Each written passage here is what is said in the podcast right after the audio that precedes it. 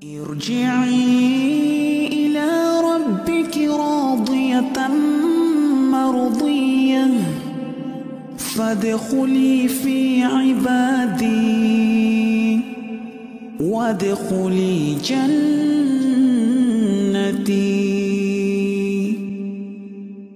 untuk mempersingkat waktu kepada Ustadz Haminul Bait uh, Habibullah Ta'ala uh, tamu dalam maskura Ustadz بارك الله فيك نعم.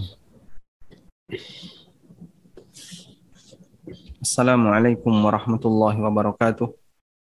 وعليكم السلام ورحمة الله الحمد لله رب العالمين والصلاة والسلام على أشرف المرسلين نبينا ومولانا محمد وعلى آله وصحبه أجمعين.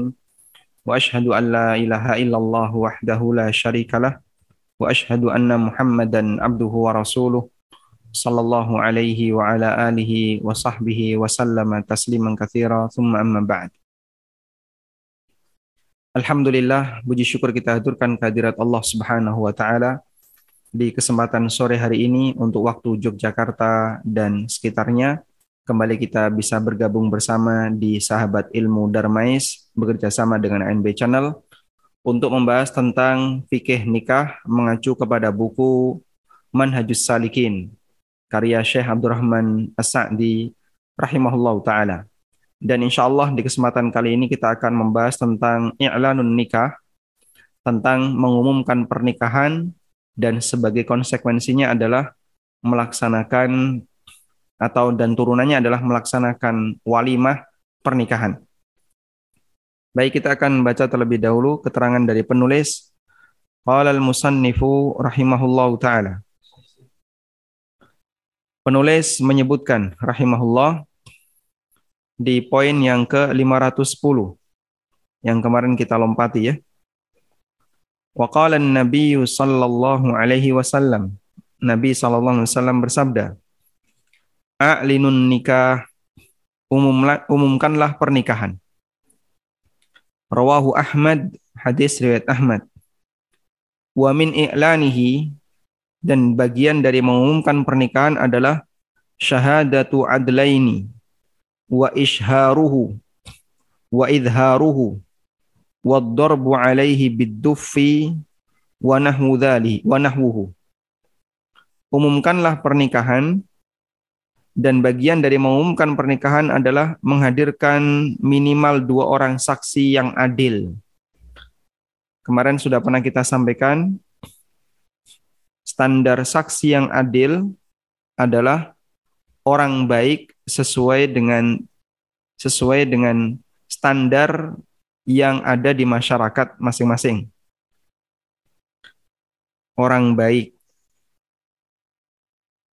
yang ada di masyarakat atau orang baik sesuai standar masyarakat.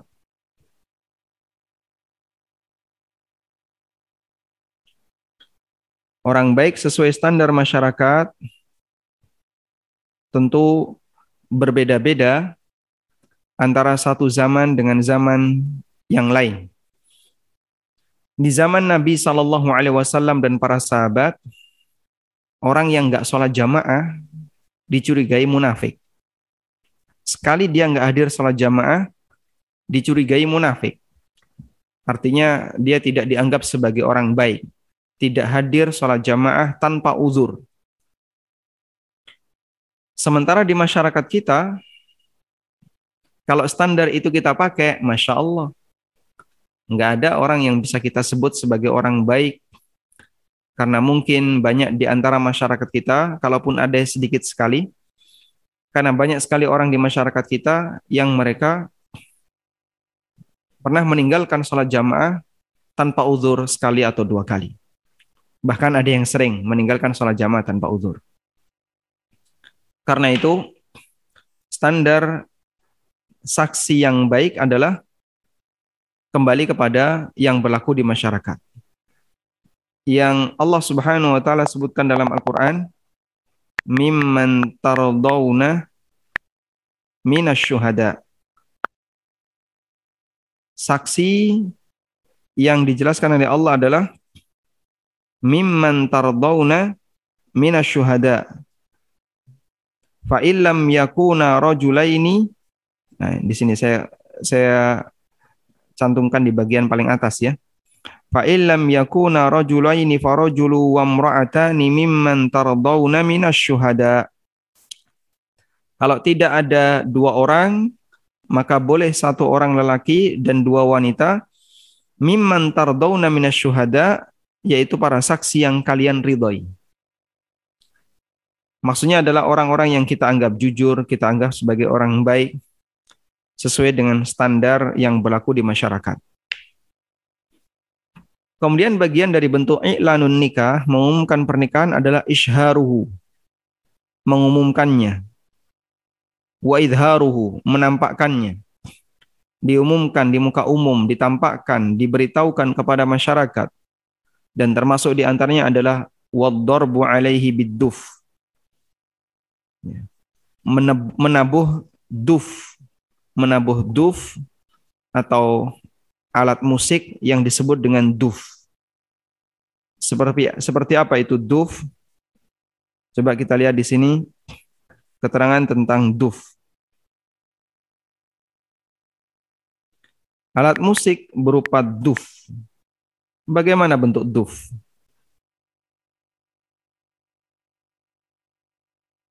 Duf itu dia tidak memiliki gemerincing. Kalau punya gemerincing samping kanan dan kiri itu bukan duf. Sehingga mirip seperti ini ya. Yang ada gambarnya Masya Allah. Ya. Ini duf. Dia tidak punya gemerincing di samping kanan dan kirinya. Hanya kosongan. Tidak ada apa pun. Mana lagi? Nah, seperti ini duf. Bagian dalamnya. Kalau dia punya gemerincing di samping kanan dan kirinya, itu bukan duf. Dan yang diperbolehkan dalam syariat untuk digunakan adalah duf. Baik. Insya Allah kita paham ya. Dan alat musik ini ditabuh oleh wanita pada saat terjadinya walimah nikah. Wallahu alam. Selanjutnya kita kembali ke sini. Jadi dia ditabuh dengan duf. Sekarang coba kita lihat footnote yang disebutkan di nomor 2. Ada keterangan dari Syekh rahimahullah. Hadisnya diriwayatkan oleh An-Nasai, diriwayatkan oleh Ahmad, At-Turmudi, Ibnu Hibban, dan An-Nasai. Dinilai sahih oleh At-Tabrani. Qala Syekh kata Syekh Abdul Rahman As-Sa'di wal, wal walimatu ala aqdi zawaji mustahabbah. Walimah untuk pernikahan hukumnya dianjurkan. Bihasabi haliz zauji yasaran wa i'saran.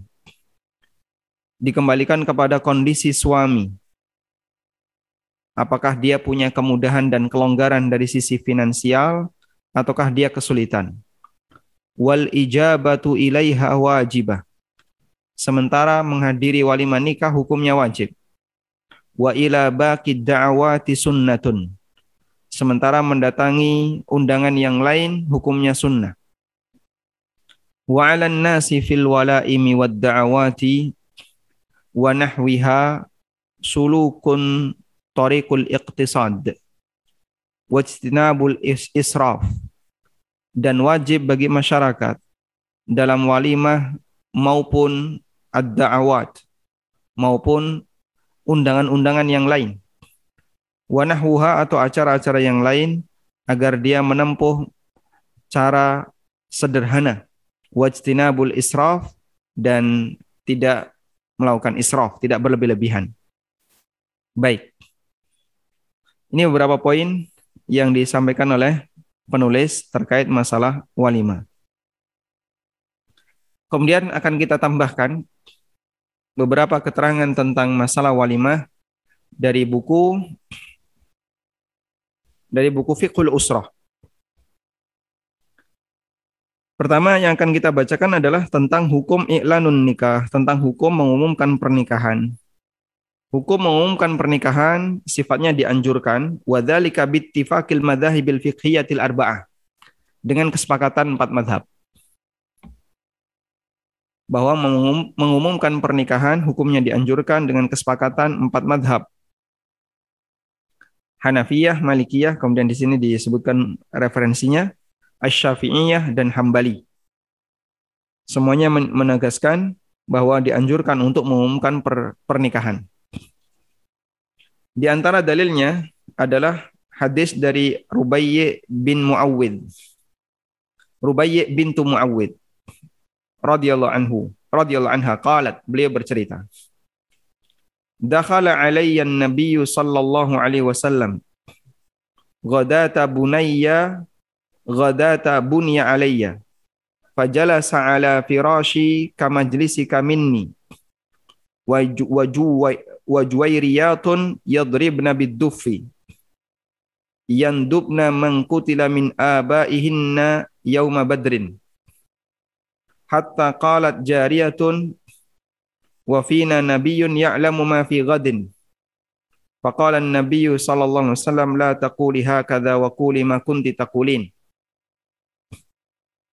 Nabi sallallahu alaihi wasallam Rubayy bintu Muawwid radhiyallahu anha menceritakan ini salah satu istri Rasulullah wasallam. Ar-Rubayy bintu Muawwid. Dakhala alayya an-nabiy sallallahu alaihi wasallam. Nabi sallallahu alaihi wasallam menemui kami Maksudnya Rasulullah Sallallahu Alaihi Wasallam menemui Rubayy bintu Muawwid sebagai istri beliau. Godata bunia alayya di pagi hari ketika Nabi Sallallahu Alaihi Wasallam berkumpul denganku. Fajalasa ala firashi kama jelisi kaminni.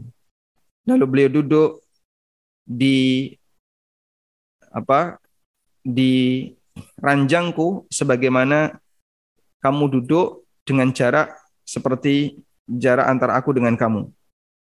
Yang dimaksud di sini adalah Khalid bin Dakwan, perawi hadis.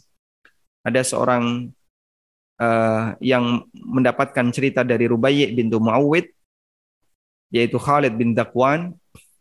Dan Khalid bin Dakwan ini dekat dengan Rubayy. Lalu diceritakan, dulu Nabi SAW duduk di kasur, di kasur ini, dan jaraknya seperti jarak aku dengan kamu. Wa juwairiyatun yadribna bidduf.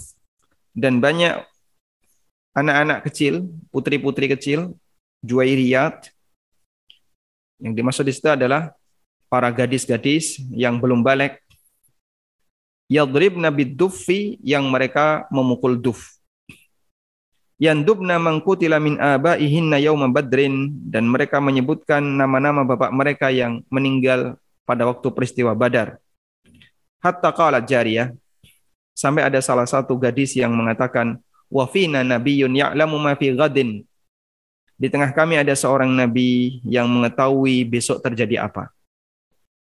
Faqala an-nabiy sallallahu alaihi wasallam maka Nabi sallallahu alaihi wasallam langsung mengatakan la taquli hakadha. Jangan kau katakan seperti ini. Wa quli ma kunti taqulin dan ucapkan seperti sebelumnya saja, jangan yang ini. Karena beliau mengingkari pernyataan bahwa beliau mengetahui besok terjadi apa. Tidak ada manusia yang mengetahui besok terjadi apa karena ini bagian dari rahasia Allah Subhanahu wa taala.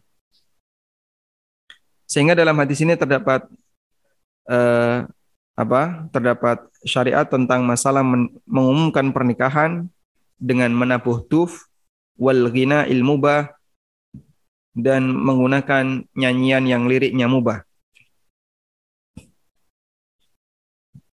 Kemudian juga dari Anas bin Malik radhiyallahu anhu. Dari Abdurrahman bin Auf. Beliau pernah menemui Rasulullah SAW. Wa fihi atharu. Sementara di baju Abdurrahman ada bekas minyak kuning. Ada bekas minyak yang berwarna kuning.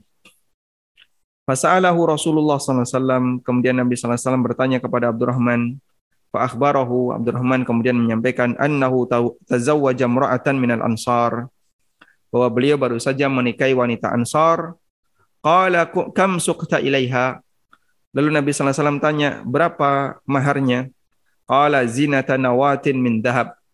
Emas seberat emas seberat biji kurma. Qala Rasulullah sallallahu alaihi wasallam aulim walau bisyat. Lakukan walimah meskipun hanya dengan menyembelih seekor kambing. Hadis riwayat Bukhari dan Muslim. Baik. Selanjutnya tentang fungsi dari i'lanun nikah di sini disebutkan ada beberapa fungsi i'lanun nikah. Yang pertama adalah idharan li fadilatin nikah. Fa innahu min sunanil mursalin. Dalam rangka untuk menampakkan keutamaan nikah karena ini bagian dari sunnah para rasul. Yang kedua adalah anna fi i'lanin nikah wa isharihi tamyizan lahu minas sifah. Dengan i'lanun nikah, maka ini membedakan dengan zina. Zina tidak ada yang dilakukan secara terang-terangan. Tapi dilakukan secara rahasia.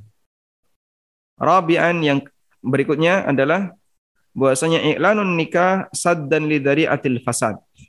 Dalam rangka menutup celah terjadinya kerusakan yang lebih besar yang kelim, yang berikutnya bahwasanya iklanun nikah tujuannya adalah dalam rangka untuk menjaga nasab wahtiyatan min jahdiha dan kehati-hatian agar orang tidak menolak nasab.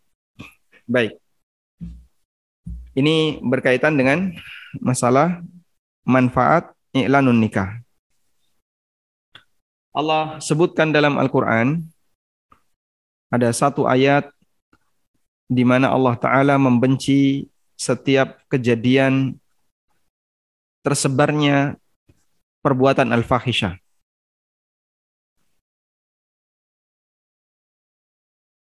Ada di surat An-Nur ayat 19.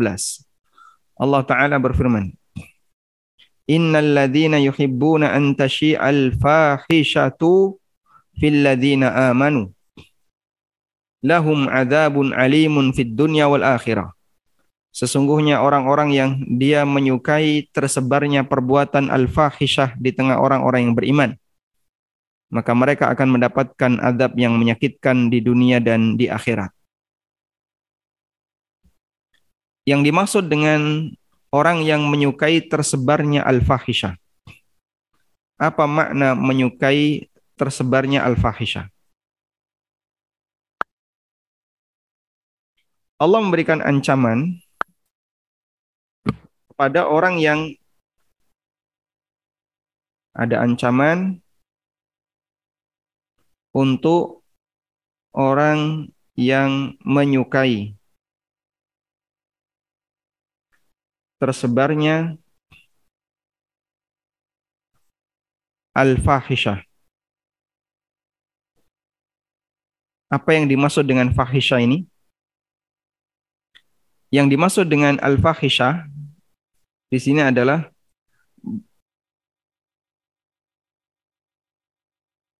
berita berita miring tentang kehormatan. Berita miring yang dia isinya cacat kehormatan. Contohnya selingkuh, terjadi selingkuh, terjadi serong, terjadi skandal seksual dan yang semisal dengan itu. Kemudian termasuk juga oh ini punya hubungan dekat dengan ini padahal dia punya sudah punya suami. Ini zina dengan ini, ini punya kejadian seperti ini. Dia senang dengan berita-berita tersebut tersebar di kalangan umat. Tersebar di kalangan kaum muslimin. Sehingga dia hobi dengan yang seperti itu maka Allah Subhanahu wa taala berikan ancaman orang yang seperti ini lahum adzabun alimun fid dunya wal akhirah dia akan mendapatkan adab menyakitkan di dunia dan di akhirat. Karena itulah Allah Subhanahu wa taala memberikan aturan terkait masalah terkait masalah orang yang menuduh orang lain dengan berzina. Allah taala berfirman, walladzina yarmunal muhsanati thumma lam ya'tu bi arba'ati. Orang-orang yang menuduh wanita-wanita suci berzina sementara mereka tidak bisa menghadirkan empat saksi. Fajliduhum samanina jaldah maka cambuk sebanyak 80 kali. Wala taqbalu lahum syahadatan abada dan persaksiannya tidak diterima selamanya. Jadi eh, ada ancaman untuk orang yang menyukai tersebarnya fahisyah, kemudian ada aturan ketat terkait laporan zina. Saya sebut laporan, bukan tuduhan ya. Terkait laporan zina. Apabila orang yang melakukan laporan zina, memberikan laporan zina, ini tidak bisa mendatangkan empat saksi, jika tidak bisa mendatangkan empat saksi, maka maka apa di situ? Satu dicambuk 80 kali. Yang kedua, persaksiannya ditolak selamanya.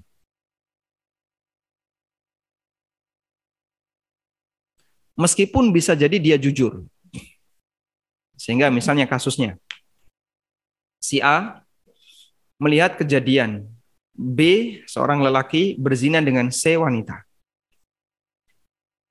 Dan untuk bisa disebut dia sebagai saksi adalah dia melihat dengan matanya kejadian tersebut di alam nyata, bukan rekaman, bukan video. Seperti dia melihat ada timba dimasukkan ke dalam sumur, kemaluan ketemu kemaluan.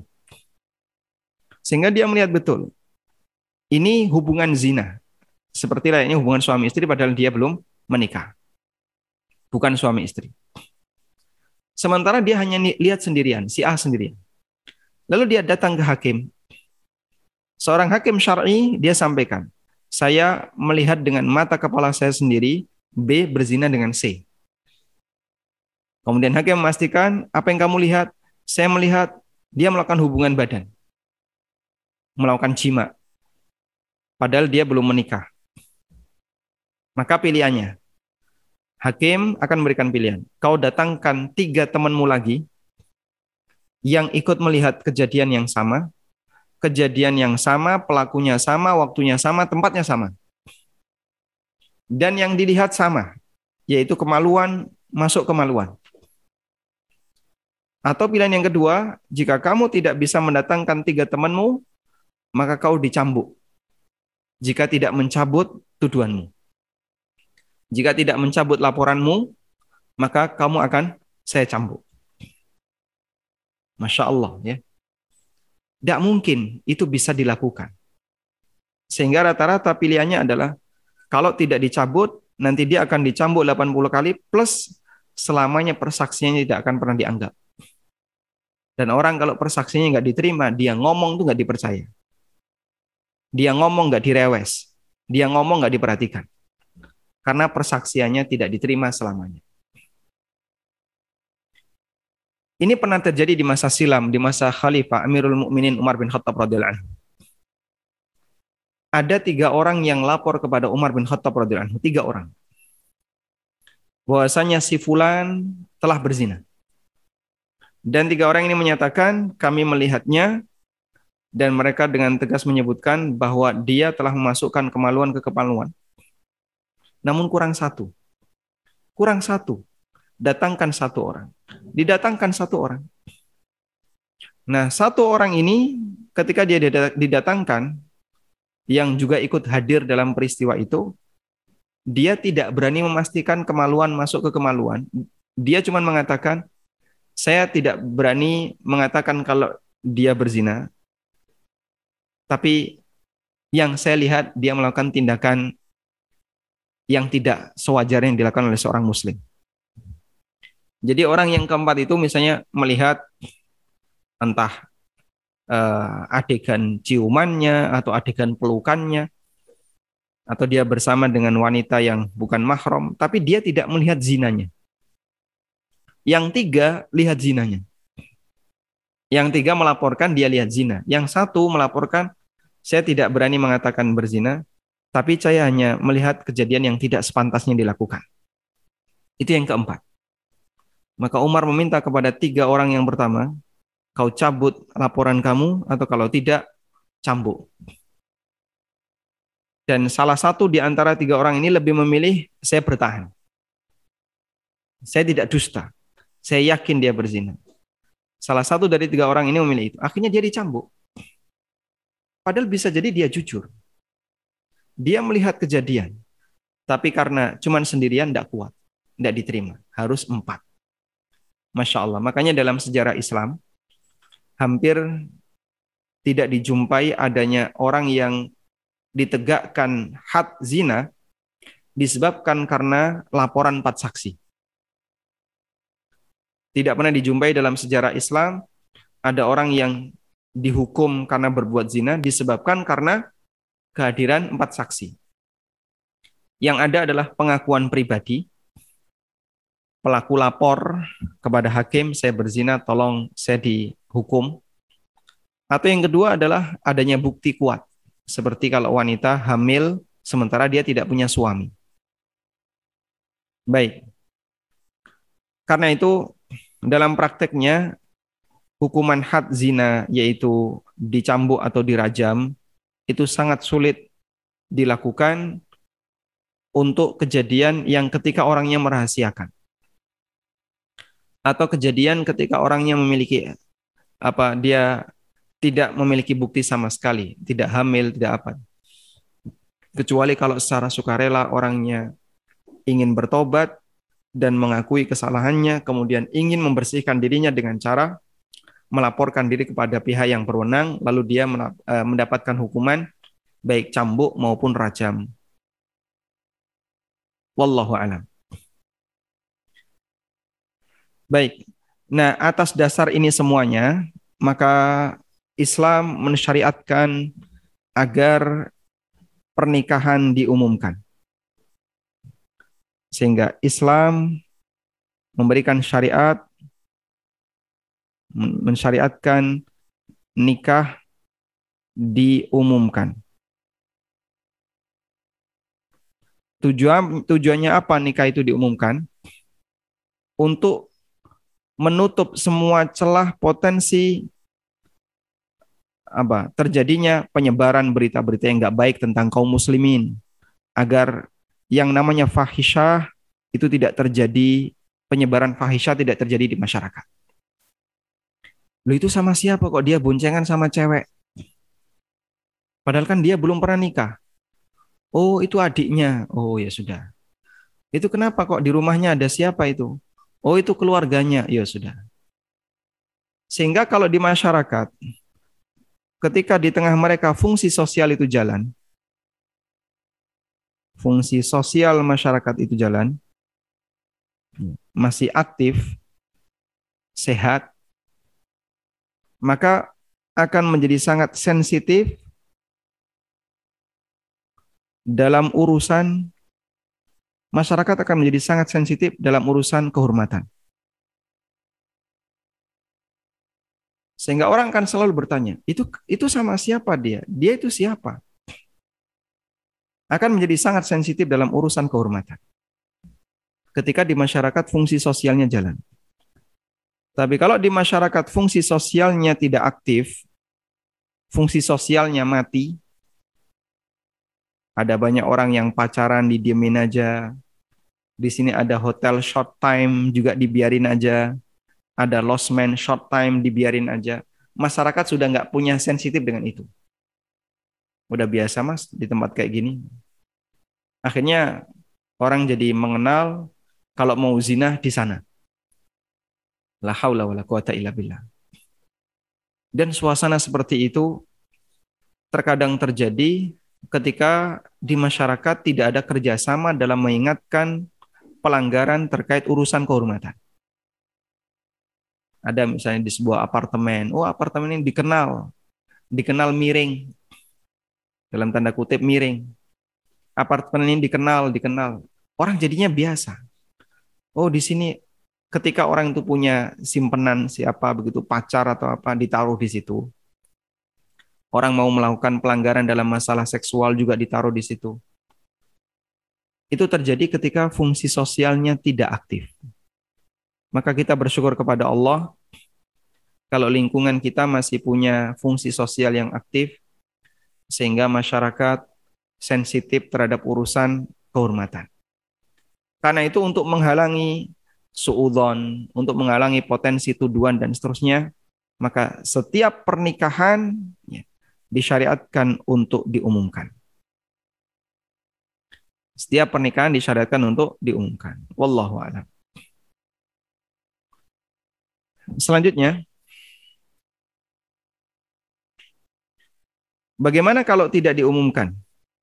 Sehingga yang tahu hanya terbatas sebagian orang saja. Kemudian kita beralih kepada hukum bagaimana jika yang tahu hanya uh, beberapa orang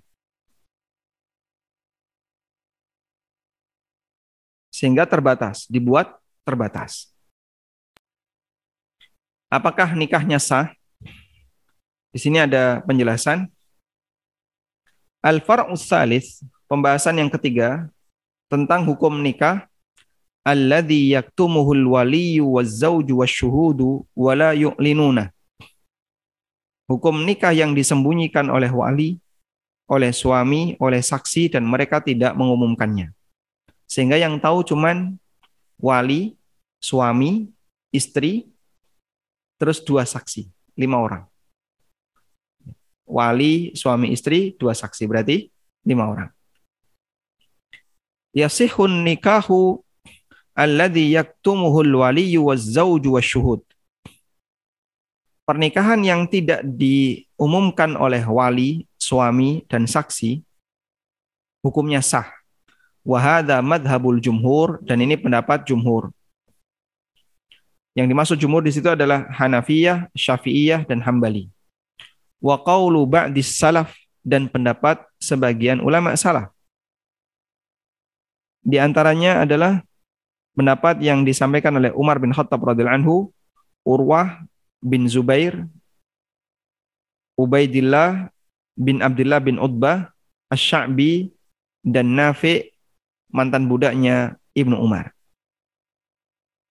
Kata Ibnu Qudamah, fa in aqadahu biwaliyin wa syahidaini fa asarruhu au tawasau bikitmanihi. Kalau ada orang yang melakukan akad nikah dengan wali dan dua saksi, lalu mereka merahasiakannya dan atau mereka berwasiat untuk saling merahasiakan. Kuri hadalika. Hukumnya makruh wasahan nikahu dan pernikahannya sah. Nikahnya sah tapi makruh. Baik. Wa mimman kariha nikah sirri dan di antara yang membenci nikah sirri adalah Umar bin Khattab radhiyallahu anhu. Kemudian ada pendapat yang kedua yaitu pendapat yang mengatakan hukumnya dilarang. Hukumnya dilarang ketika akad nikah itu tidak diumumkan dan ini adalah pendapat yang disampaikan oleh Malikiyah. Sehingga dalam madhab Malikiyah mereka mewajibkan adanya persaksian dan nikahnya harus diumumkan.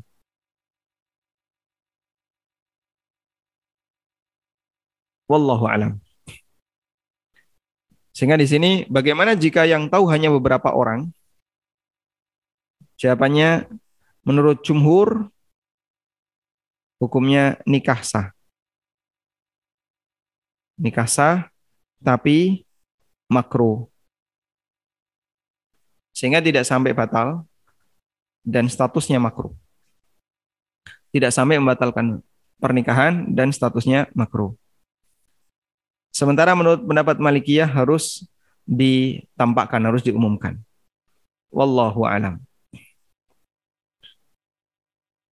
Selanjutnya, terkait pernikahan tanpa saksi. Kita beralih kepada masalah berikutnya yaitu nikah tanpa saksi. Apa hukum nikah tanpa saksi? Di sini disebutkan la yasihu aqdun nikahi biduni syuhudin wa huwa madhabul jumhur al-Hanafiyah wasyafi'iyah wal Hanabilah. Tidak sah nikah tanpa saksi dan ini adalah pendapat jumhur Hanafiyah, Syafi'iyah dan Hambali. Dan ini pendapat sekelompok ulama salaf. Karena nikah adalah akad yang berkaitan dengan hak orang lain yang melakukan akad, yaitu anak. Maka disyaratkan harus ada saksi. Li alla yajhada abuhu fayadi'a nasabuhu bi khilafi ghairihi minal uqud. Agar uh, apa? bapaknya tidak menolak nasab anaknya sehingga ada orang yang nasabnya tersia-siakan berbeda dengan akad yang lain. Nikah tanpa saksi menurut jumhur tidak sah.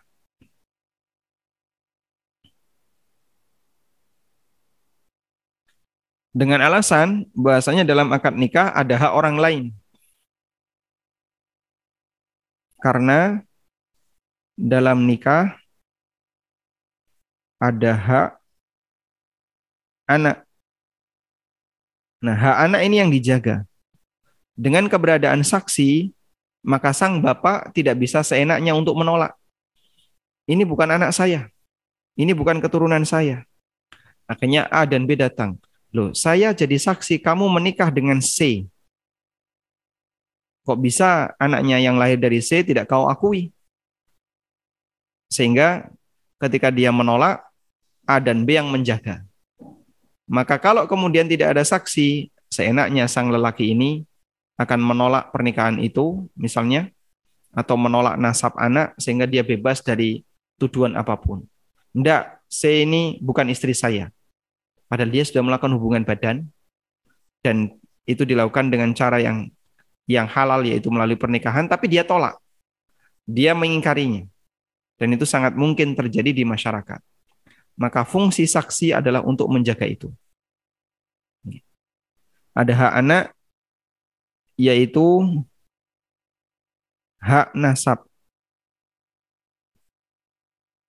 Nah, hak nasab ini dijaga dengan fungsi saksi akad agar nanti orang tua sang bapak ya tidak secara sengaja dia mengatakan dan menolak keberadaan hak anak itu. Wallahu a'lam. Selanjutnya bagian yang terakhir tentang tausikun nikah fil mahkamah mencatatkan nikah di pemerintah. Idza staufa aqdun nikahi arkanahu wa syurutahu illa annahu lam yusajjal wa bil mahkamah. Fahuwa zawajun syar'iyyun sahih. Ketika ada akad nikah yang memenuhi rukun syarat dan semua yang harus ada dalam akad nikah, maka nikahnya adalah nikah yang syar'i yang sah. Meskipun tidak dicatatkan di pemerintah. Wa yajibu tawthiquhu idza kana fi dzalika hifdzun li zawjain. Dan wajib untuk dilaporkan ke KUA apabila ada tujuan besar yaitu dalam rangka menjaga hak suami istri. Wa bihi aftatil lajnatud daimah dan ini yang difatwakan oleh lajnah daimah disebutkan dalam fatwa nomor atau jilid 18 halaman 87. Apabila ijab kabul telah dilakukan dan seluruh syarat telah dipenuhi, maka nikahnya sah. Wa idza kana taqyiduhu qanunan yatawaqqafu alaihi ma lit-tarafaini minal masalih syar'iyyah al-hadirah wal mustaqbalah lin nikah wajib dzalika. Namun uh, jika dilaporkan ke KUA yang ini akan memberikan kemaslahatan syar'i jarak dekat maupun jarak jauh bagi pernikahan, maka hukumnya wajib untuk dilakukan. Dan ini juga keputusan dari Majma'ul Bukhuth Al-Islamiyah di Mesir dan Majelis Eropa untuk Ifta wal Bukhus. Semuanya memfatwakan bahwa adanya keharusan untuk dicatatkan di pemerintah dalam rangka menjaga hak suami istri. Sehingga wajibnya di sini adalah wajib untuk menjaga wajib untuk menjaga kemaslahatan suami istri. Kita tuliskan di sini. Apakah nikah harus dicatatkan di KUA? Di pemerintah, maksudnya adalah di KUA. Rinciannya adalah secara syar'i kita berikan jawaban tidak ada syarat secara syar'i untuk itu. Yang kedua, tapi jika uh, ada maslahat besar, ada maslahat besar yang harus dijaga, maka hukumnya wajib. Ya, ya misalnya di negara kita, kalau orang tidak punya buku nikah, nanti anaknya nggak bisa mendapatkan administrasi negara. Akte nggak bisa, nggak bisa masuk kakak, nggak bisa ini, dan seterusnya. Karena dia nggak punya buku nikah. Sehingga ada banyak sekali apa maslahat-maslahat untuk kehidupannya yang tidak tertunaikan gara-gara tidak tercatat di KUA pernikahannya. Ini sebagaimana fatwa Lajnah Daimah. Kemudian juga fatwa dari uh, Majma'ul Bukhus Al-Islami di Mesir, di Kairo. Juga fatwa Majma' Al-Bukhuth Al-Islami Mesir. Jadi kalau ini adalah MUI-nya di Saudi, kalau Majma'ul Bukhuth Al-Islami ini MUI-nya Mesir. Dan ini adalah lembaga-lembaga fatwa yang mereka melakukan istihad jama'i, istihad bersama dalam rangka menjawab permasalahan yang ada di tengah umat. Baik. Walhamdulillahirabbil alamin. Nah, selanjutnya dari sini kita bisa membuat kesimpulan sebagai berikut ya. Jadi berkaitan dengan masalah mengumumkan pernikahan.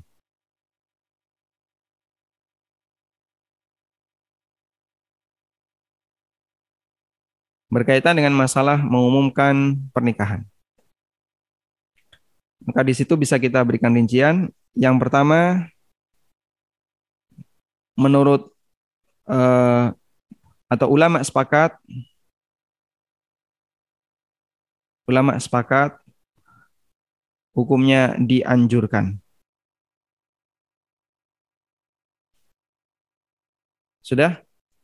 Kemudian jika nikah tidak diumumkan, jika nikah tidak diumumkan, berarti di sini menjadi nikah siri. Menjadi nikah siri. Nah, sekarang apa hukum nikah siri? Nikah siri ada tiga makna. Yang pertama adalah nikah tanpa saksi. Untuk nikah tanpa saksi, ini hukumnya batal. Berdasarkan pendapat jumhur ulama. Karena Nabi Wasallam pernah menyebutkan, la nikaha illa biwaliyin wa syahidai adlin. Tidak ada pernikahan kecuali dengan wali dan dua saksi yang adil. Yang kedua, tidak diumumkan.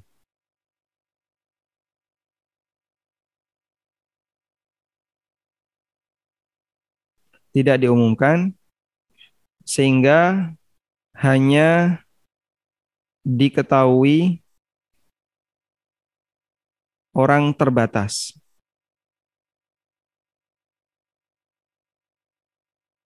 Hanya diketahui oleh orang yang terbatas.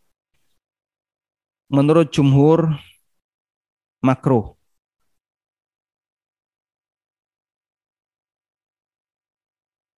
Berarti berdasarkan hal ini, menurut jumhur ulama, mengumumkan nikah dalam bentuk walimah itu tidak wajib. Yang ketiga adalah tidak dilaporkan ke KUA, ke pemerintah.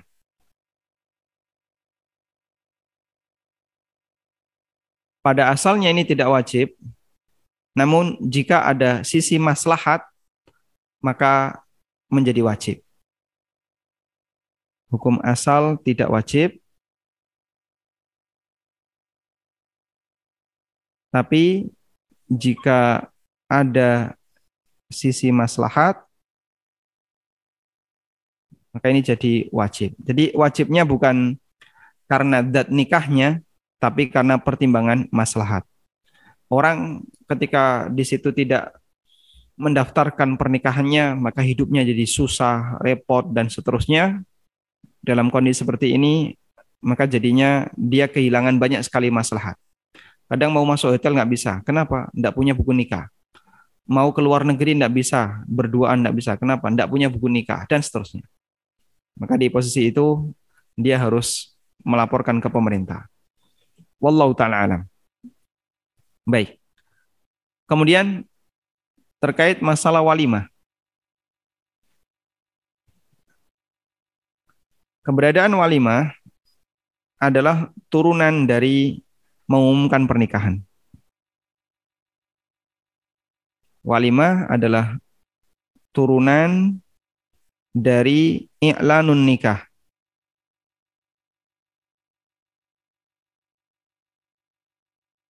mengumumkan pernikahan.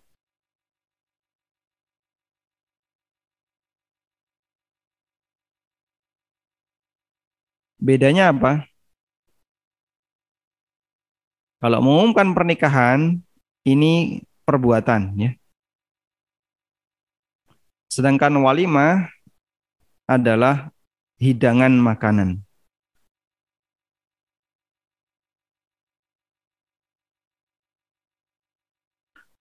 apakah uh, mengumumkan pernikahan harus dengan adanya hidangan makanan? Tidak harus. Bisa diumumkan melalui disebar poster atau disebar apa gitu kan? Sehingga ketika orang menyebar, nah, alhamdulillah telah disalangsungkan akad nikah fulan dengan fulana, lalu dibuat poster ya. Kemudian di-share di Facebook, di-share di media sosial yang lain di situ tidak ada aktivitas hidangan makanan. Cuman pengumuman saja. Itu iklan nikah. Tapi kalau wanima ada undangan, ayo kita hadir bareng, kita akan makan-makan. Maka untuk iklan nikah bisa dilakukan melalui Zoom. Nah. Tapi kalau walimah lewat Zoom bisa enggak? Kita makan-makan lewat Zoom, enggak bisa. Nah, walimah itu adalah hidangan makanannya. Dan untuk yang kedua ini sifatnya anjuran. Tapi jika di situ kita diundang, maka wajib untuk datang. Baik. Dan Nabi Shallallahu Alaihi Wasallam pernah memberikan peringatan tentang masalah walimah. Dalam sebuah hadis yang sahih, Rasulullah Shallallahu Alaihi Wasallam pernah bersabda, "Syarrut ta'ami ta'amul walimah." Seburuk-buruk makanan adalah makanan walimah. Kenapa disebut sebagai seburuk-buruk makanan? Coba kita lihat hadisnya. Syarrut ta'ami ta'amul walimah.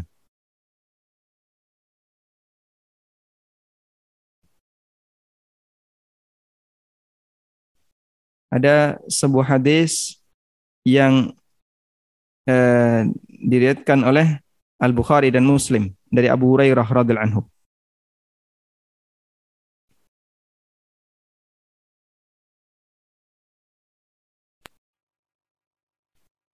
Rawahul Bukhari wa Muslim wal lafdhu lahu dan lafadznya diambilkan dari Sahih Muslim.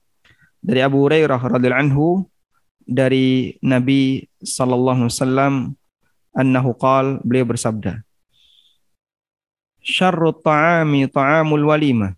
Makanan yang paling buruk itu makanan walimah. Kenapa? Yumna'uha mayyatiha. Orang yang butuh nggak boleh datang wa yud'a ilaiha mayyabaha yang enggak butuh diundang. Orang yang butuh maksudnya siapa, Pak? Yang miskin, yang dia butuh makanan, malah dia enggak diundang. Orang yang enggak butuh maksudnya siapa? Orang-orang kaya yang dia sudah punya banyak makanan, malah dia diundang. Lam yujibid da'wah dan siapa yang tidak menghadiri undangan faqad asallaha wa rasulah maka dia durhaka kepada Allah dan Rasulnya. Hanya saja di sini Bukhari menilai mauquf sampai Abu Hurairah radhiallahu anhu. Dan lafadznya dari Bukhari adalah syarrut ta'ami ta'amul walimah yud'a laha al-aghniya wa yutrakul fuqara. Hidangan makanan yang paling buruk adalah makanan walimah. Karena yang kaya diundang, yang miskin enggak diundang. Baik. Wal maksud bil walimah dan yang dimaksud walimah dalam hadis ini adalah walimatul ursi khasah. Walimatul urs, walimah pernikahan. Dan bukan semua makanan yang masyarakat diundang untuk menghadirinya. Sebagaimana keterangan As-San'ani. Baik. Karena itu disebut sebagai sarru ta'am, makanan yang terburuk karena biasanya orang ketika wali nikah itu seneng ngundang yang kaya. Tujuannya apa? Tujuannya apa, Bang? Amplopnya gede, ya. Sumbangannya biar gede. Makanya kata Al-Hafidh Ibnu Hajar menjelaskan hadis ini, ai annaha takunu syarrat ta'am walimah itu menjadi makanan yang paling buruk idza kanat bihadis sifah apabila kondisinya seperti yang disebutkan dalam hadis, yaitu hanya ngundang yang kaya yang miskin ditinggalkan. Walihada qala Ibnu Mas'udin karena itu Ibnu Mas'ud mengatakan idza khussal ghani wa turikal faqir umirna alla nujiba. Kalau dalam walimah itu yang diundang hanya orang kaya sementara orang miskin enggak diundang, kita diperintahkan jangan datangi. Kita diperintahkan jangan datangi sebagai hukuman bagi yang undang. Pak Ustadz kok nggak datang kenapa? Kan menghadiri walimah itu wajib. Saya nggak mau mendatangi walimah Anda. Kan yang hadir di walimah Anda semuanya pakai mobil. Oh baik Ustadz, besok lagi yang tak undang pakai bis. Oh Masya Allah. Jadi ketika yang datang adalah orang-orang yang dia berpenampilan mewah dan seterusnya. Akhirnya ketika walimah itu hanya orang-orang kaya yang hadir. Mohon maaf ya, biasanya ini karakternya pejabat. Maka dalam posisi seperti ini kita tidak boleh datang. Tapi kalau yang didatangkan adalah semua yang kaya dan miskin boleh datang. Silahkan untuk datang. Wallahu alam. Baik, demikian yang bisa kita sampaikan. Semoga jadi mukaddimah yang bermanfaat. Wassalamualaikum warahmatullahi wabarakatuh. Alhamdulillah, barakallahu fikum Ustaz atas uh, pemaparan materinya yang insya Allah uh, sangat bermanfaat untuk kita semua. Dan terlebih tema kali ini adalah tema tentang uh, fikih walimah nikah yang pada bulan-bulan seperti sekarang ini, bulan Rajab ini sepertinya uh, rame di mana-mana untuk uh, ngundang walimahan insya Allah. Dan berarti bermanfaat insya Allah banyak pertanyaan nih. Ini ada sebenarnya yang lebih berkepentingan yang punya event organizer ini. Harus hadir ini ya. Betul, setuju. Atau yang mau IO Walima ya, siap. Baik. Sudah ada beberapa pertanyaan, termasuk juga sudah ada uh, jamaah sekalian yang sudah raise hand. Uh, mohon yang raise hand nanti ketika diberikan kesempatan untuk bertanya, mohon singkat dan sesuai tema untuk memberikan kesempatan pada jamaah yang sudah banyak mengirimkan pertanyaan. Baik, pertama kesempatan kami berikan kepada uh, salah satu jamaah kita atas nama Ferawati Ferawati sudah raise hand. Silahkan di-unmute. Ibu Ferawati. Assalamualaikum Ustadz.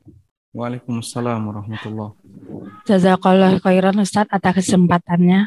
Izin bertanya dua Ustadz soalnya berkaitan gitu. Langsung aja pertanyaannya Ustadz. Bagaimana uang yang dipakai untuk walimah didapat dari semacam arisan Ustadz. Tapi bahasanya di kampung ini bukan arisan Ustadz, semacam sistem naroh gitu Ustadz. Semacam sistem. Uh, misalnya sistem narohnya si A naruh se sejuta, si B naruh 500, si C naruh sejuta. Nanti kalau mereka hajatan atau gimana nanti kita pulangin gitu Ustadz uangnya. Jadi bukan arisan sih Ustadz, nama bahasanya sih naroh, sistem naroh gitu Ustadz. Naroh Bagaimana itu hukum? Napung ya. Iya gitu Ustadz. Dibilang ya semacam arisan gitu Ustadz. Tapi gunanya yaitu buat acara walimah, buat acara sunatan gitu Ustadz. Terus Ini yang di kedua, Jakarta ini, kayak gini di Jakarta ada. iya Jakarta Ustadz. Iya benar Ustadz. Yang kedua Ustadz, eh, apakah eh, acara walimah itu menyediakan souvenir termasuk eh, walimah yang berlebihan gitu Ustadz. Terus bagaimana bagi orang yang menerima souvenir tersebut Ustadz? Syukron jazakallah jazakallah khairan Ustadz. Baik. Untuk yang pertama, bolehkah dana walimah itu menggunakan dana hasil arisan? Tapi tadi mungkin tidak sama seperti arisan ya, karena kan nilainya beda. Ada yang satu juta, ada yang 500. Naruh uang Ya. berapa? Nggak sama ya? Enggak, oke Ustadz beda-beda. Tergantung Tapi nanti kemampuan. mengembalikannya wajib sesuai dengan yang yang diambil. Iya, sesuai Ustadz, sesuai dengan yang dia naruh Ustadz. Baik. Hmm. Insya Allah tidak masalah. Berarti di sini murni akadnya adalah ta'awun alal birri wa taqwa, tolong menolong dalam kebaikan. Sehingga ketika misalnya si A butuh dana walimah untuk hitanan atau pindah rumah atau yang lain, butuh anggaplah misalnya 10 juta. Dan dia sudah pernah naruh senilai 5 juta. Lalu dia dikasih 10 juta, nanti dia masih kurang 5 juta, insya Allah tidak masalah. Sehingga apa yang dia serahkan dengan apa yang dia terima sama. Walaupun ada biaya administrasi diperbolehkan selama sesuai kebutuhan real dan itu dibayar di awal agar menghilangkan syubhat riba, biar tidak ada kesan riba, maka dibayar di awal. Insya Allah tidak masalah dalam seperti ini. Dan kalau terlibat di sini boleh atau tidak? Insya Allah berpahala dalam rangka untuk ta'awun alal birri wa taqwa, tolong menolong dalam kebaikan. Dan para ulama menyebutkan ta'awun alal birri, tolong menolong dalam kebaikan, itu berlaku umum untuk semua aktivitas membantu orang lain secara gotong royong, meskipun tidak ada hubungannya, meskipun murni urusan muamalah mubah. Meskipun murni urusan muamalah mubah. Sehingga misalnya iuran, gantian ya, si fulan mau bangun rumah, kita bantu yuk. Kemudian kita iuran, dia bangun rumah. Ini kan perkara mubah saja. Sekarang si fulan mau ganti mobil, kita bantu yuk, gantian. Gantian itu untuk memenuhi hajat masyarakat. Secara bergantian. Insya Allah bisa disebut sebagai ta'awun alal bir, tolong menolong dalam kebaikan, meskipun murni hanya perkara mubah saja. Sehingga tidak harus yang ada kaitannya dengan dakwah, yang harus ada kaitannya dengan ibadah atau sosial keagamaan tidak harus. Insya Allah di sistem naruh-naruh tadi eh, hukumnya diperbolehkan. Kemudian yang kedua eh, souvenir nikah, apakah itu tergolong berlebihan? Tergantung souvenirnya ya. Kalau orangnya misalnya nggak mampu, tapi dia ngasih souvenir nikah yang mahal, ya, nggak mampu souvenir nikahnya 50 ribu. Ya ini israf. Termasuk di antara bentuk israf, berlebih-lebihan. Dan Allah Ta'ala melarang, wala tusrifu, innahu la yuhibbul musrifin. Jangan kau berbuat israf, Allah nggak suka dengan orang yang israf. Sehingga keberadaan souvenir pada asalnya tidak bisa kita jadikan ukuran berlebihan atau tidak tergantung dari nilai. Misalnya souvenirnya HP, masya Allah, ya. Tapi dengan souvenir HP itu, tapi yang ngasih itu orang yang kaya raya, sehingga bagi dia ah, HP ini bagi kami uang receh, ya. Untuk bisa ngasih orang 3 juta senilai HP itu uang receh bagi dia, maka tidak terhitung israf. Wallahu a'lam. Alhamdulillah, barakallahu fikum atas jawabannya Ustaz. Mudah-mudahan insya Allah bisa dipahami bagi penanya dan juga untuk kita semua. Dan uh, sebelum saya lanjutkan ke jamaah yang sudah resen, ada pertanyaan dulu saya bacakan yang sudah masuk di kolom chat secara bergantian. Uh, berkaitan dengan walimahan yang di dalamnya ada musik Ustaz. Uh, apakah walimahan seperti ini Bagaimana hukumnya pertama bagi penyelenggara atau tuan rumahnya kemudian apakah bisa atau diperbolehkan diganti dengan murotal atau bacaan ayat suci Al-Quran karena uh, takut kadang tidak didengarkan dengan serius uh, murotal tersebut. Kemudian yang kedua tentang bagaimana hukumnya ketika kita diundang di mana walimahan tersebut ada penampilan musik di dalamnya Ustaz. Syukran jazakallahu khairan. Jazakallahu khairan. Apabila ada orang yang dia menyelenggarakan walimah dan di situ ada musik, sementara dia punya kemampuan untuk menghentikannya, maka dia harus hentikan. Karena dia yang punya hajat dan tidak boleh dia dikuasai oleh orang lain. Ini sudah satu paket, EO-nya yang maksomalan. EO itu kan orang yang kamu sewa, dia dibayar. Seharusnya dia punya kuasa yang lebih dibandingkan EO-nya, malah kalah sama EO-nya. Sehingga EO-nya yang harus dia atur, bukan dia yang diatur sama EO. Maka dia boleh minta tolong ini ditiadakan, ini ditiadakan, dan seterusnya. Kalau dia biarkan, ya bisa jadi tergolong berdosa disebabkan karena dia membiarkan kemaksiatan itu terjadi di lingkungannya, padahal dia mampu untuk mengingkarinya. Tapi kalau dia adalah orang yang tidak punya kuasa untuk mengingkari, misalnya ya ini bapak yang minta kayak gini kalau enggak nanti malah nggak jadi nikah atau karena faktor yang lain sehingga kita tidak bisa nolak. Maka di posisi ini anda uh, semoga terbebas dari perbuatan dosa. Yang nanggung dosa adalah yang meminta. Kemudian kita sebagai tamu undangan. Memang salah satu di antara syarat walimah yang boleh tidak didatangi adalah yang penuh dengan musik. Walimah yang boleh tidak didatangi adalah yang berisi maksiat. Dan dulu ada sebagian sahabat ketika datang ke walimah, kok di situ ada maksiat, pulang dia. Nggak jadi. Padahal sudah hadir. Begitu melihat tuh, kok kayak gini suasananya, pulang. Misalnya ada gambar, ada apa lagi misalnya. Ini zaman sahabat ya ada uh, kegiatan maksiat itu, dia pulang, nggak mau. Dan mereka memang orang yang sangat menjaga komitmen dalam masalah agama. Dan dia ketika nggak mau dia sampaikan. Nabi SAW melarang seperti ini. Alasannya alasan agama. Bukan alasan selera, alasan agama. Tayyip. Wallahu alam. Kemudian sebagai solusi sebaiknya diganti dengan apa?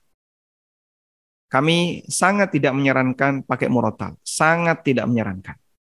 Karena jelas dalam suasana seperti itu orang nggak dengerin, nggak memperhatikan, sehingga jangan gunakan murotal sebagai rungon-rungon. Rungon-rungon itu apa? Mengiri suara, mengisi suara dengar Anda.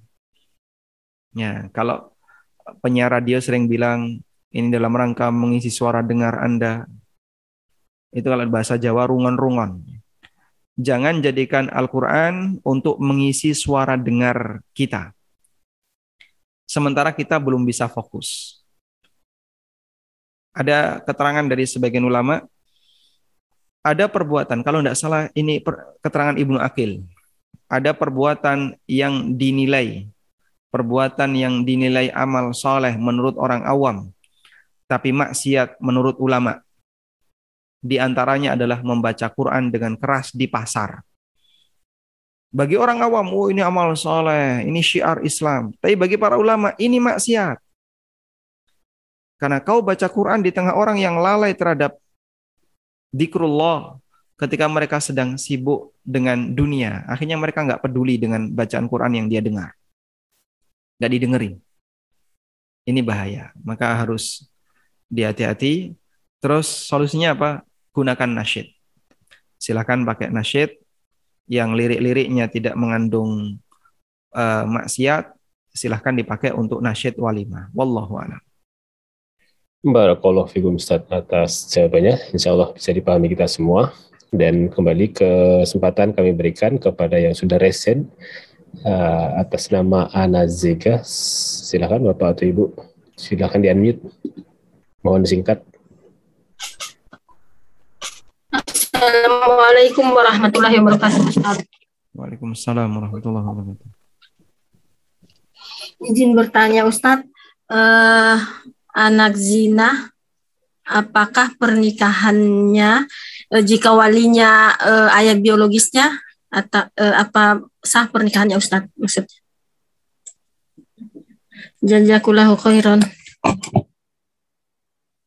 Dulu sudah pernah kita bahas ya, Pak Dokter. Ini ya. Kita pernah membahas tentang masalah wali dan posisi anak zina. Masih ada rekamannya, Pak Dokter? Insya Allah masih ada nanti insya Allah bisa di uh, share di grup uh, atau bisa diakses juga di Spotify Baik. atau Anchor FM. Afwan Ustadz baru bergabung di grup Ustadz. Baik, coba saya bacakan ini ya.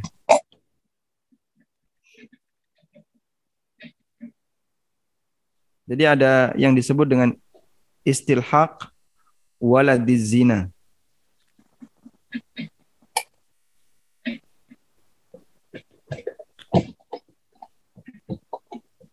Jadi ini memang perkara yang berat di negara kita ya.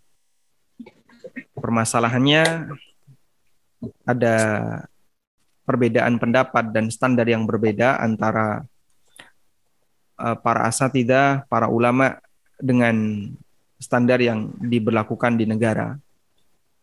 Namun kita perlu memahami latar belakangnya dulu biar tidak ada kesan yang enggak yang enggak enak ya dengan kedua belah pihak. Tayyib.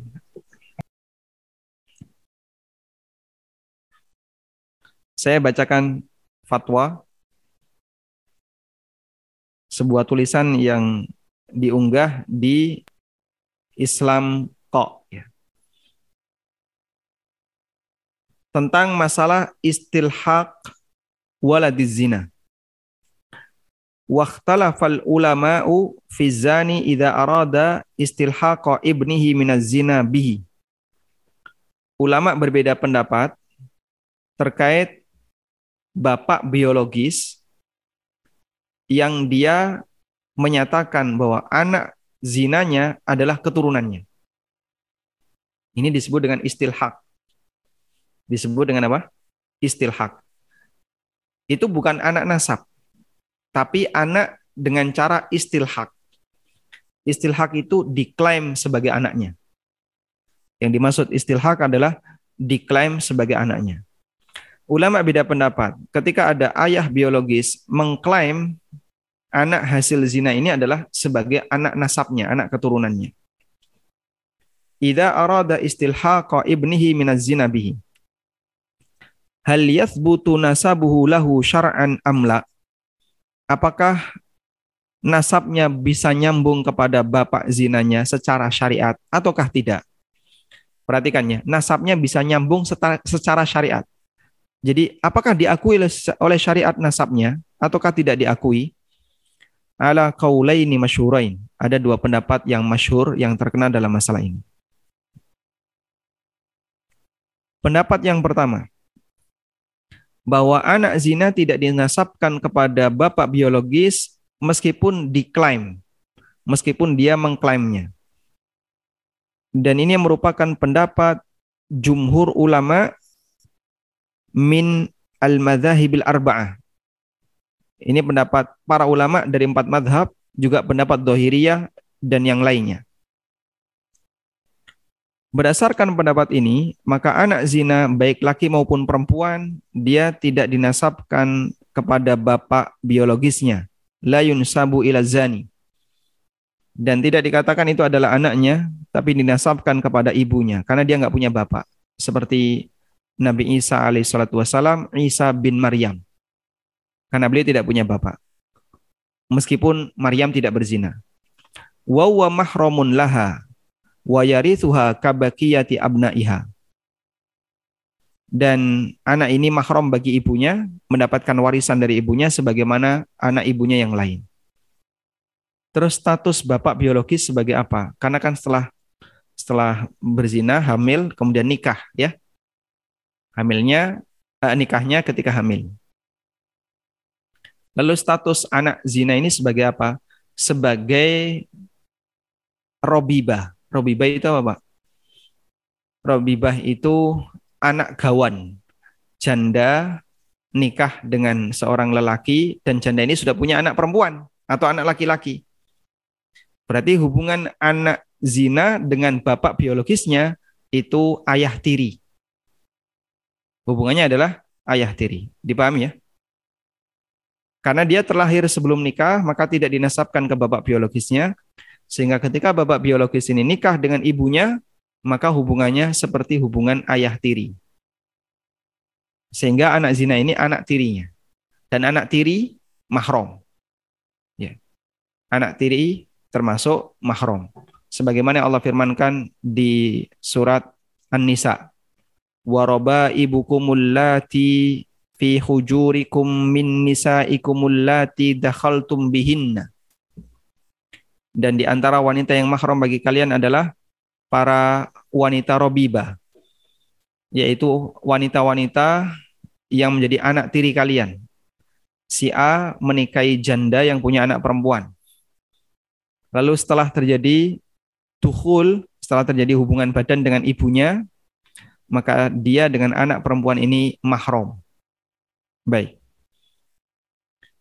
Selanjutnya kita beralih ke pendapat yang kedua. Al-qaulutsani, pendapat yang kedua. Bahwasanya lelaki biolog, uh, ayah biologis idastalhaqa waladahu apabila dia mengklaim anaknya dari zina apabila dia mengklaim anak zinanya sebagai keturunannya fa innahu yulhaqu bihi, maka dia bisa dinasabkan dengan bapak biologisnya. Ini pendapat siapa? Coba kita lihat di sini.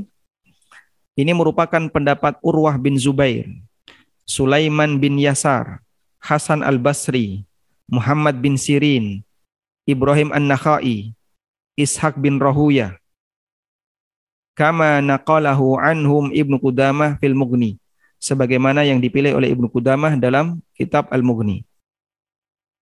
Baik, saya tambahkan lagi.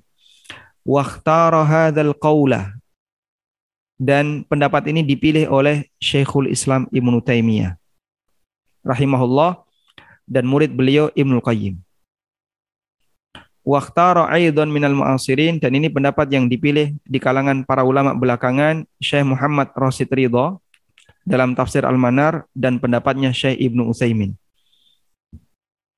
Dan ini yang diterapkan di negara kita. Sehingga ada kibar-kibar ulama yang berada di belakang pendapat yang diambil oleh KUA di negara kita. Ya. Sehingga apabila di KUA kalau ada orang daftar nikah, itu kan diminta untuk melampirkan ya KTP, KK, akta. Biasanya gitu ya. Sudah? Kemudian didaftarkan. Jika di KTP, kalau KTP kan tidak ada orang tua ya. Jika di akta, di KK tercantum bahwasanya fulana adalah anak dari A dan B, bagi kau A ini bukti kalau kamu adalah anaknya A, Terlepas kamu ini anak zina ataukah tidak, KUA nggak ikut campur. Nggak berurusan dengan itu. Sehingga kalau anak itu gugat, bapak saya itu bapak zina. Saya adalah anak zina. Tolong KUA yang jadi wali. Saya nggak mau bapak zina saya yang jadi, eh, bapak biologi saya yang jadi wali. KUA nggak terima. Karena akta ini buktinya. Ini kakak terbukti di situ kamu sebagai anak tertulis di sini si A sebagai ayah, si B sebagai istri, ya. Dia tertulis di situ. C sebagai anak. Sehingga kakak bukti kalau kamu adalah anaknya A. Kau A nggak bakalan mau jadi wali. Laporan itu tidak diterima karena buktinya administrasi kuat. Baik. Nah yang kayak gini, Anda tidak mungkin mengambil pendapat yang pertama. Anda hanya mungkin akan mengambil pendapat yang kedua. Terjadi perbedaan pendapat antara calon pengantin dengan pihak KUA. Nah, seperti ini apa yang harus kita lakukan? Wallahu alam berdasarkan kaidah. Hukmul hakim yarfa'ul khilaf. Keputusan hakim itu bisa mengakhiri perbedaan. Sehingga ketika hakim memutuskan bahwa dalam kasus ini Anda adalah keturunan dari A, maka insya Allah jika A sebagai wali sah dalam pernikahan ini. Sehingga insya Allah silakan dilanjutkan, meskipun terbukti Anda adalah anak zina, tapi A telah mengakui Anda sebagai anak nasabnya. Itu yang disebut dengan istilhak. Namun, ya, penjelasan seperti ini kenapa nggak banyak diungkap di permukaan.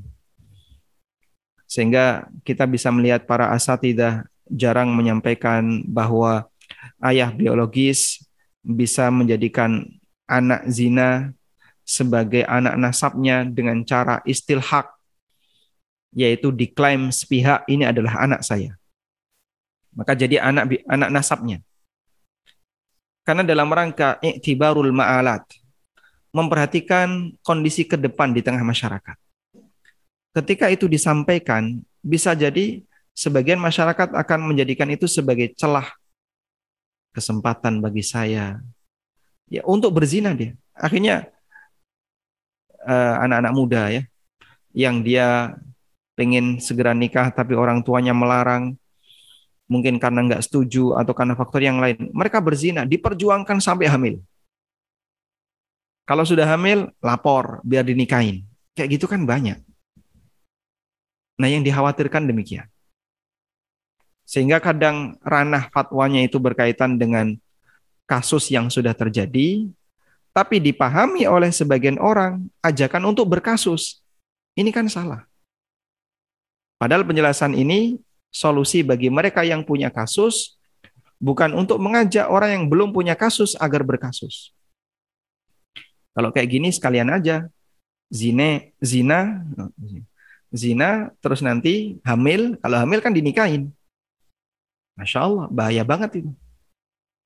Dan itu kalau ada di masyarakat kita, ya, merusak tatanan masyarakat.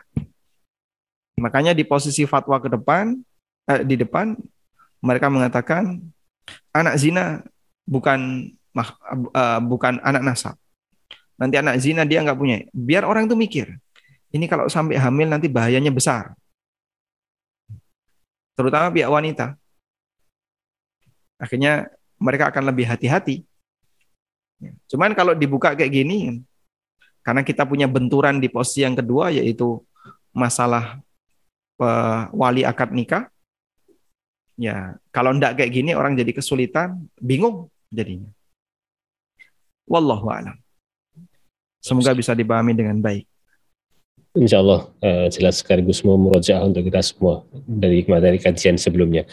Baik, uh, masih ada waktu kita lanjutkan ke uh, pertanyaan selanjutnya Ustaz berhubungan dengan uh, nikah yang diulang Ustaz. Assalamualaikum warahmatullahi wabarakatuh. Ustaz izin bertanya. Uh, Ustaz jika menikah ulang yang sementara pernikahan sebelumnya tidak sesuai syari, kemudian dilakukan nikah ulang sesuai syariat, dan tidak disampaikan lagi secara umum karena semua orang sudah tahu bahwa pasangan tersebut sudah suami istri dengan tujuan untuk menutup aib keluarga. Apakah tetap makruh Ustaz? Jazakallahu khairan. Nah, yang perlu kami ketahui adalah apa sebab nikah itu diulang. Kalau tadi disebutkan nikah yang pertama tidak sesuai syar'i, tidak sesuai syar'i dari sisi mana? Ya, tidak dijelaskan atau mungkin ada yang uh, Bapak Ibu yang bertanya bisa mengelaborasi lebih lanjut dari pertanyaan ini? Cuma dituliskan tidak sesuai syariat dan di, di nikah ulang, dinikahkan ulang. Atau begini ya, jika memang betul-betul itu tidak sesuai syari, memang harus diulang. Tapi kalau itu sifatnya masih saya belum yakin sesuai syari, saya kayak kayaknya kok nggak yakin. Ini was-was setan dan nikah ulang karena was-was seperti ini tidak boleh dilakukan. Ini mempermainkan hukum Allah. Ada orang yang nikah ulang tanpa sebab. Namun karena latar belakang mitos. Lama nggak punya anak. Akhirnya dia bilang, dia bilang, coba kamu nikah ulang. Padahal dia sudah 25 tahun nikah ya. Lama nggak punya anak sampai 25 tahun. Terus nikah ulang. Barangkali setelah itu kamu punya anak. Solusi ini salah yang betul. Alhamdulillah. Ya, dikumullah Jadi solusi ini salah ya. Kalau lama nggak punya anak, kok nikah ulang itu salah. Yang betul lama nggak punya anak, nikah lagi. Betul Pak Dokter ya? Ternyata dijelaskan di kolom chat Ustaz karena anak hasil zina. Ya, okay. kalau karena pertimbangan itu adalah anak hasil zina, maka kembali kepada pembahasan tadi. Kembali kepada pembahasan tadi, apakah ada istilhak ataukah tidak? Kalau tidak ada istilhak, maka dia berarti tidak punya nasab. Tapi kalau ada istilhak dan KUA sudah mengakui berdasarkan bukti-bukti ada akta, ada kakak dan seterusnya, wallahu alam yang kami pahami nikahnya sah. Dan nikah ulang ini kan tidak mungkin dilakukan dengan cara yang legal. Gimana coba? Jadi nikah resminya kan di depan KUA ya. Terus dia ngulang nikah. Ngulang nikahnya ini di depan siapa? Nah, jadinya kita kebingungan tasawurnya. KUA sudah kemarin yang resmi dihadiri banyak orang. Terus diulang besoknya. Diulang besoknya itu di hadapan siapa? Kalau di hadapan KUA berarti dia datang ke kantor mungkin. Ya, di depan KUA dengan wali hakim, Ustaz. Dengan wali hakim. Jika seperti itu resmi insya Allah tidak masalah. Wallahu a'lam. Baik, barakallahu fiik. Insya Allah bisa dipahami untuk kita semua. Untuk melanjutkan kembali dengan yang sudah resen, silahkan atas nama Ibu Lili Mika, silakan di unmute.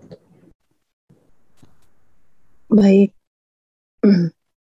Assalamualaikum warahmatullahi Waalaikumsalam warahmatullahi uh, uh, Baik Pak Ustadz, ini sebenarnya sudah kejawab semua tadi, tapi ada beberapa yang uh, ragu yang akan ditanyakan. Mungkin uh, saya ulas sebentar ya. Uh, teman saya menikah uh, waktu itu janda duda tanpa wali karena alasannya uh, uh, tanpa wali janda karena alasannya orang tua di luar luar kota. Nah, terus uh, akhirnya wa, uh, menikah dengan wali hakim. Nah, uh, karena dia sudah uh, Izdra udah mengenal uh, ilmu agama syar'i, uh, beliau udah tahu hukumnya. Uh, apa akhirnya dia dalam menikah baru satu bulan itu tanpa wali itu dia hamil Nah, di, setelah hamil itu nikah uh, wa, ada walimah dengan keluarga besar uh, baik janda dunda itu sudah menikah resmi, tapi dalam keadaan hamil gitu. Nah, apakah dalam keadaan hamil itu sah di KUA itu? Nah, kemudian setelah uh, anaknya uh, pertama apakah itu sah? Terus setelah lahir apakah harus uh, apa menikah ulang gitu? Kan uh, pernah uh, dengar dengan uh, cerita para sahabat ya. Jadi kalau set, uh, apa setelah lahir anaknya harus um, menikah ulang itu uh, yang benar yang mana. Terus yang terakhir uh, beliau merasa bersalah dan uh, ingin tobatan nasuha dengan apa uh, ya dia udah berusaha tidak akan mengulang dengan menyesali dan lain sebagainya tapi uh, apakah Allah mengampuninya gitu. Nah sekarang ini uh, posisinya anaknya ini kan tidak ada nasab nasabnya uh, suami. Bagaimana untuk nerangkan ke suaminya gitu. Karena kan nanti kasihan uh, di saat anaknya menikah itu akan ada apa rantai uh, perzinahan sel selamanya gitu. Nah si janda si ahwat ini ketakutan di situ gitu. Bagaimana solusinya untuk menyampaikannya gitu Ustadz? Dulu waktu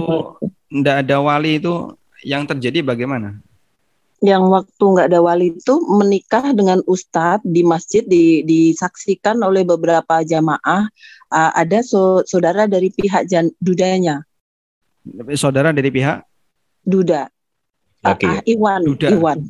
Iya pihak Iwannya. uh, kemudian walinya ada di luar kota apakah mewakilkan kepada imam masjid itu?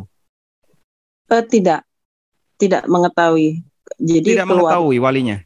Tidak jadi begitu kita sudah menikah baru uh, mengin, uh, mengabarkan kepada keluarganya bahwa kita sudah menikah karena uh, kita tidak mau uh, apa kena fitnah gitu. Jadi tapi keluarganya oh ya sudah gitu ya udah segera secepatnya di KUA aja gitu segera diresmikan. Memang sebenarnya uh, disetujuin cuman karena uh, jauh ingin segera uh, halal gitu Ustaz. Hmm. Baik. Padahal uh, apa ya bisa uh, menghubungi lewat telepon atau bisa ya sebenarnya? Ya harusnya karena kan kita begitu sudah tahu ilmunya.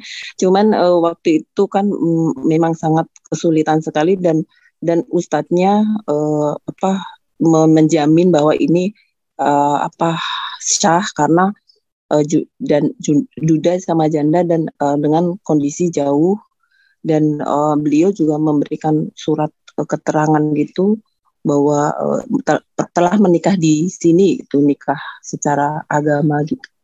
Oh bisa dipahami. Masya Allah. Ini yang nanggung dosa terbesar adalah dia ini. Baik. Oh, yes, kita bersyukur kepada Allah ketika Allah pilihkan kepada kita semuanya para guru yang dia punya ilmu yang bisa dipertanggungjawabkan tidak asal waton ngomong, asal bicara, sementara nggak punya dasar. Yang model-model kayak tadi, dia berani menjamin ini sudah sesuai syar'i, padahal di, haknya dia apa? Dia bukan wali, dia bukan keluarganya, dan ada walinya juga dia nggak menghubungi walinya. Ya, seharusnya kalau dia memang paham kan dia suruh pihak wanita hubungi bapaknya dulu, minta sebagai perwakilan. Kalau ada wakalah, insya Allah selesai itu meskipun jauh.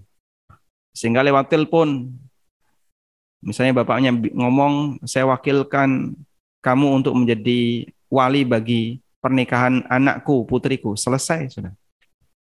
Nanti sang ustadz di masjid ini bisa jadi wali sebagai wakil dari bapaknya. Baik.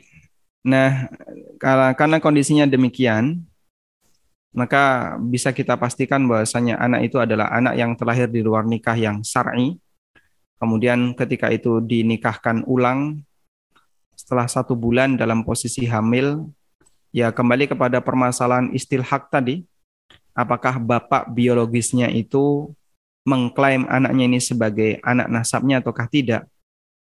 Kalau dia mengklaim, kemudian itu yang didaftarkan di catatan sipil negara, sehingga akta, kemudian kakak, semuanya mencantumkan bahwasanya anak itu adalah anak keturunannya, maka biasanya itu yang dijadikan dasar oleh KUA untuk kelanjutan administrasi berikutnya. Saat anak pertama ini nikah, maka nanti tetap yang akan jadi wali adalah bapak biologisnya. Kemudian yang kedua, yang saya pahami, wallahu alam ya.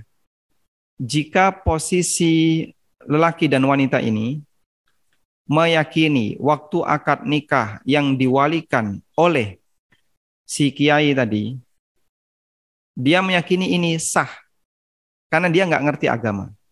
Apalagi kiainya sudah menjamin ini legal secara syar'i. Sehingga pihak lelaki dan wanita ini yakin ini sah.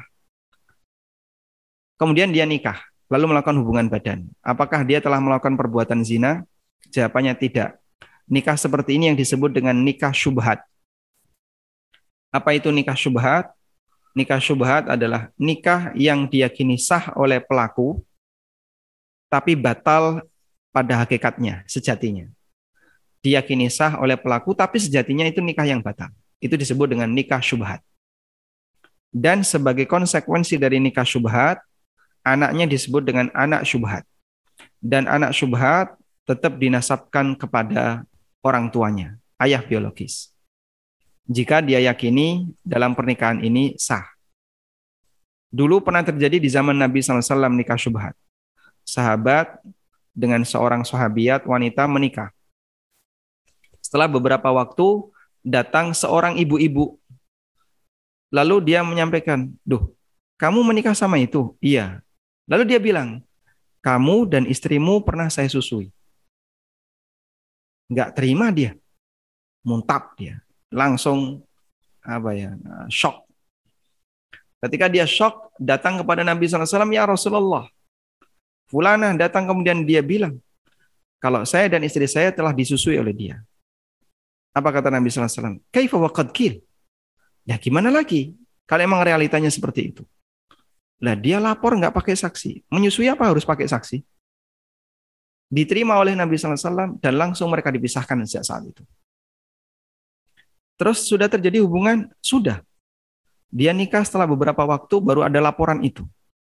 Tapi Nabi SAW tidak memberikan hukuman had baik cambuk maupun rajam bagi lelaki dan wanita ini.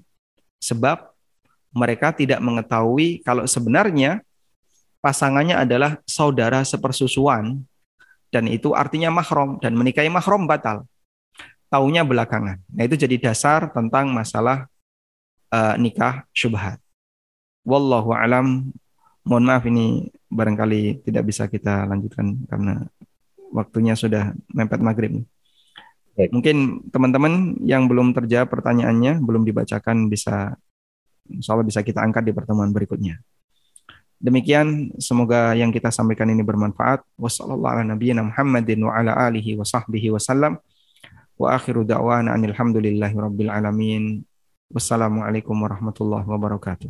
ارجعي إلى ربك راضية مرضية. فادخلي في عبادي. وادخلي جنتي.